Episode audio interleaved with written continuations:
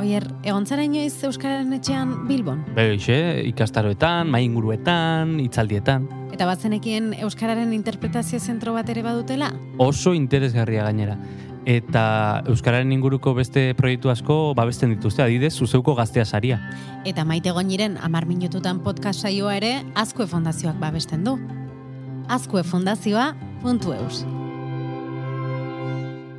Europako Parlamentuak 2006ko ebazpen batean dio, zortzi direla kompetentzia nagusiak bizitzarako, lanerako, eta bar. Eta horietako bat da, kompetentzia digitala.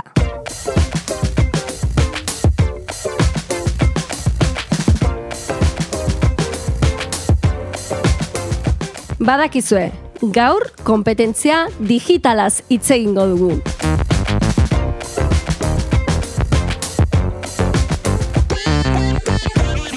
Bueno, oier, kompetentzia digitala ez dakit, digitala esan Digitala. behar romen da. Digitala, oso Digitala, arraro eh, bai, da. ez zait ateratzen ordu nik kompetentzia digitala, ba, e, garrantzitsuena izango itzateke, ba, jakitea zertaz ari garen hitz Bai. egiten, ez da? Bai, e, zer Zuri da, zer datorkizu burura, Niri- kompetentzia digitala hitz egiten dugunean? inpe- internet erabiltzen jakite apurtu gabe. apurtu.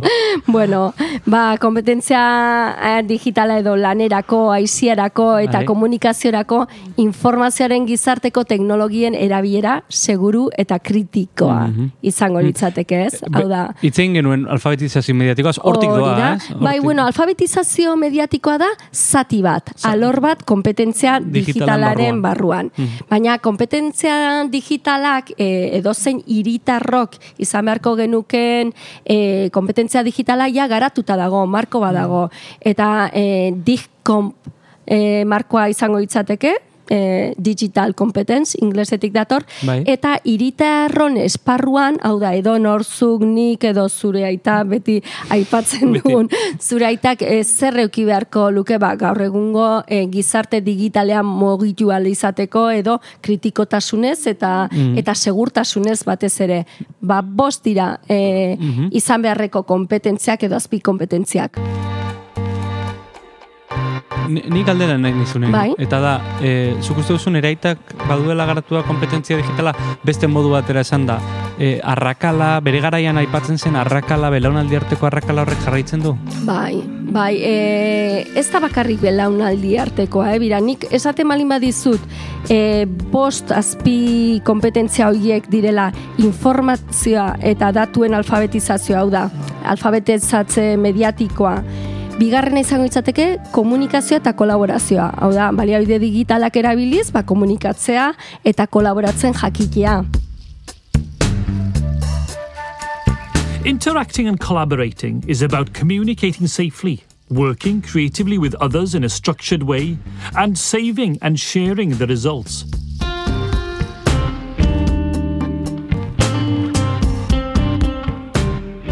Jende guztik ez daki hori gaur egun WhatsAppa daukagu, baina horretaz gain ba, badaude bideokonferentziak, zeintzuk diran seguruak, zeintzuk ez, e, zein e, momentu une jakinko eta helburu konkretu baterako zein den egokiagoa zein ez, eta bar.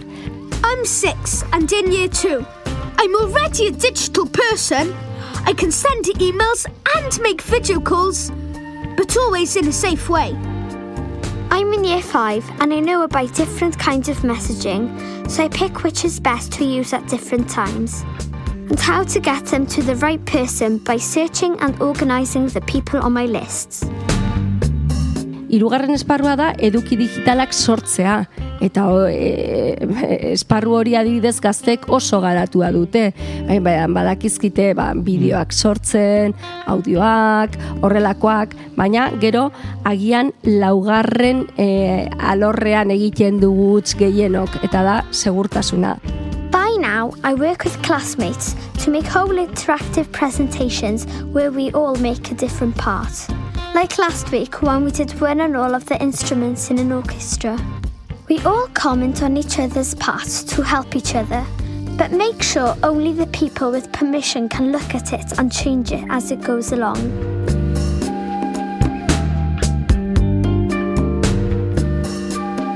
Segurtasunaren esparrua e, esan nahi du ba, e, adibidez erosketak egitea modu seguru batean online ba, jakitea bere izten zein webguneak diran e, seguruak e, wifietara nola konektatu bueno, mila alor Nora ez konektatu. nora ez konektatu Zeintzuk diren amuak Bai. eta zeintzuk ez. Hori da, eta aeroportu batean gaudenean zer egin, bueno, Bai. horrelako gauza pila bat, eta az, e, azkenekoa izango itzateke arazoen ebazpena, ez bakarrik arazo teknologikoen ebazpena, baizik baitala e, ba, teknologia sormenez erabiltzea, hau da, ba, ez bakarrik erabiltzea teknologia, o, e, teknologiarik gabe egiten diren gauzetarako, baizik erabilera berriak, ba, e, eta uste ondo aprobetsatzea, Mm. ez, teknologiaren potentzial osoa.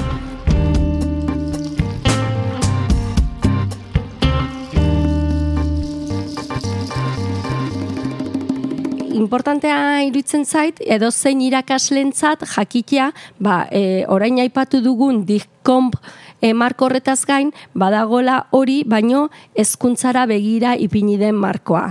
Eta horrek e, aipatzen ditu, ba, aurreko guztiak barnebiltzen ditu, kompetentzia horiek guztiak, eta asko zere gehiago. Irakasle batek ze iruditzen zaizu zuri jakin beharko lukela. Irakasle batek e, kom, terreno komplikatuan sartu diazu, eh? Espaitak irazko Claro. Baina, ze, ze jakin beharko luke? Bueno, jakin beharko luke oinarri, aipatu dituzun oinarrizko Bai. jakintzak, ez? Eta gero hori e, nola sartu kurrikuloan, ez? Edo Hori, nondik oso sartu, ondo. ez? Oie, rotatzen da. Bueno, bai, asko garatu liteke, baino bai izango litzateke, ba nola adibidez, e, badago eh, marko horretan, badaude lau azpiatal oso oso garrantzitsuak direnak adibidez, baliabide digitalak erabiltzea, baina jakitea aukeratzen irakaskuntza kurrikulumera begira, zeintzuk diren egokiak, zeintzuk ez, egin dugu programaren bat horren inguruan gogoratzen Bai, bai, bai. eh, mugikorrerako aplikazioak Bai, bai, aukeratze bai. hori, ba hori E, horretan- pila bat daude, nik adibidez ezagutzen ez nituenak, eta amar minututanen lehenengo demoraldi honetan ezagutu ditudanak. Ba, horiek denak beti saiatu gara e, kompetentzia digitalaren esparruren bat Mm. ikutze, ukitzen. Orduan, ba, hori izango itzateke bat, baino gero e, jakin beharko luke irakasle batek lizentziak, edukiak interneten daudenak ze lizentziapeetan dauden, eta hori erakutsi beharko lioke baita Mm. Ikaslei, ba, ezin dena dena hartu, e, ze lizentziak eta zertan mugatzen duten lizentzia horiek, adibidez, Bai. e, ba, irudi bat hartzen malin badezu ia gero molda litekeen edo ez,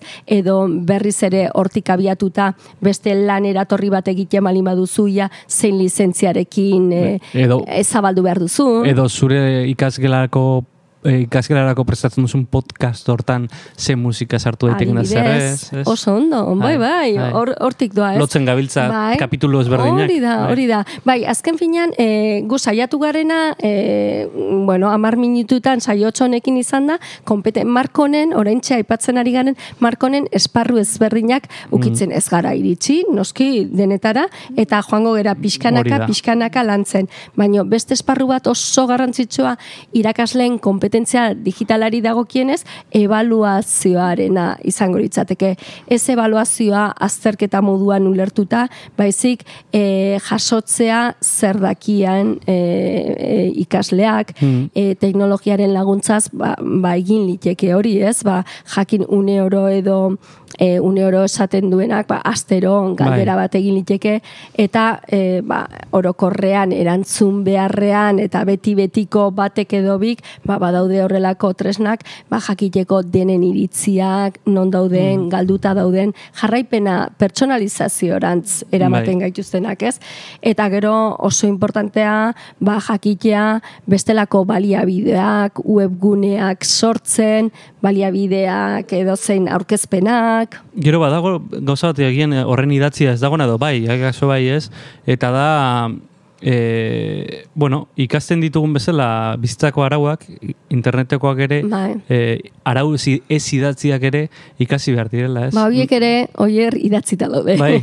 Netiketa deitzen zaio. Ah, bai, hori beste kapitulu bat da, bai, ez? Bai, bai, beste kapitulo bat. Izan liteke. The guidelines for how to communicate using these online communication tools is called Netiquette. Think of it as etiquette for the internet. Participating in online discussions takes some getting used to. The first few times you participate, you may feel nervous about sharing your ideas publicly. The more you take part, the more comfortable you become using online communication tools.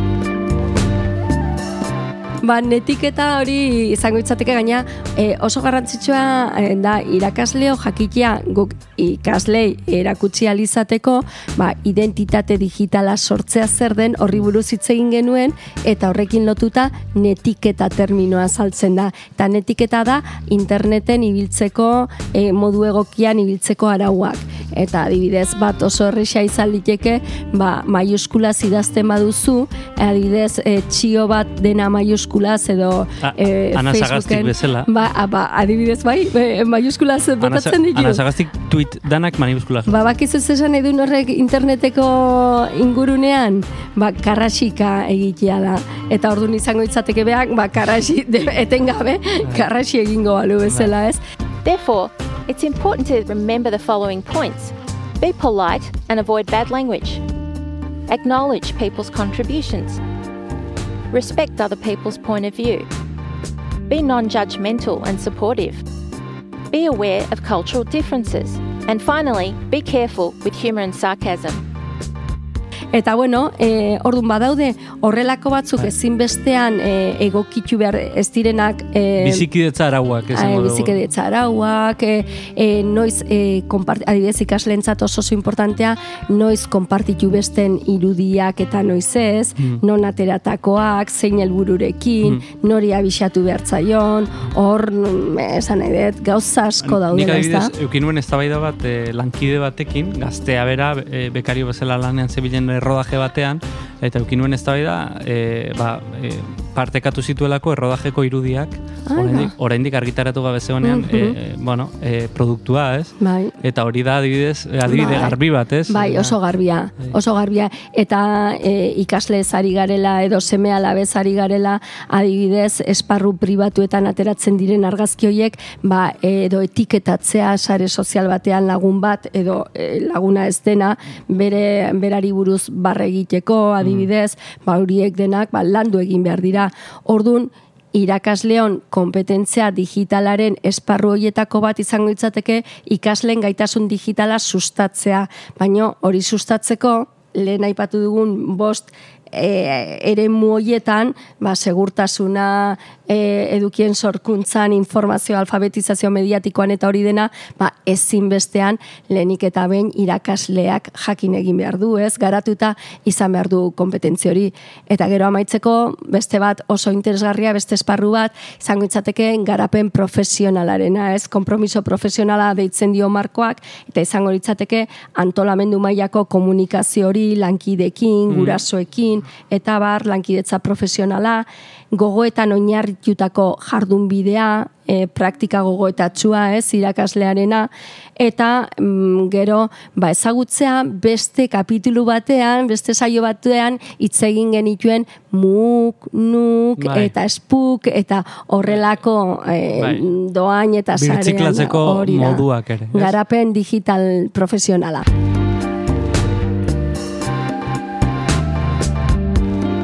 Eta maite, zerekin gelituko gara? Ba, kapitulu hori zerbait egin gelitzen gara. Bai, bai, bai. E, ba, hemen nik uste dut oso interesgarria izango itzatekela.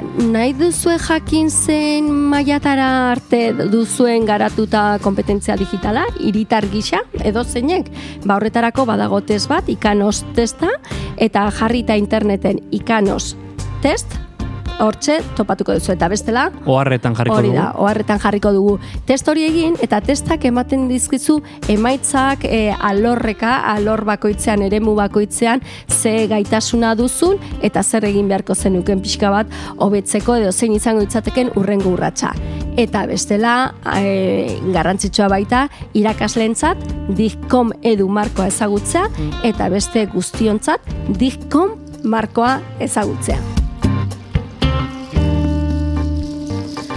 Ai, ama, azerroioa sartu dizudan gaur kompetentzia digitalarekin, baina ni iruditzen zait oso importantea dela Ni gaia. kompetenteagoa naiz, ja. E, e, amar minututan guztiak entzun ditut, eta kompetenteagoa naiz. Oso ondo, behintzat jakin existitzen dela, eta gero norbaiten nahi balin badau sakondu, ba, aurrera. Bueno, Oier, bausi izan da guztia gaurkoz, Eh. burrengoan gehiago, bale? Bai, urrengo arte, maite. Venga. Hala, aio.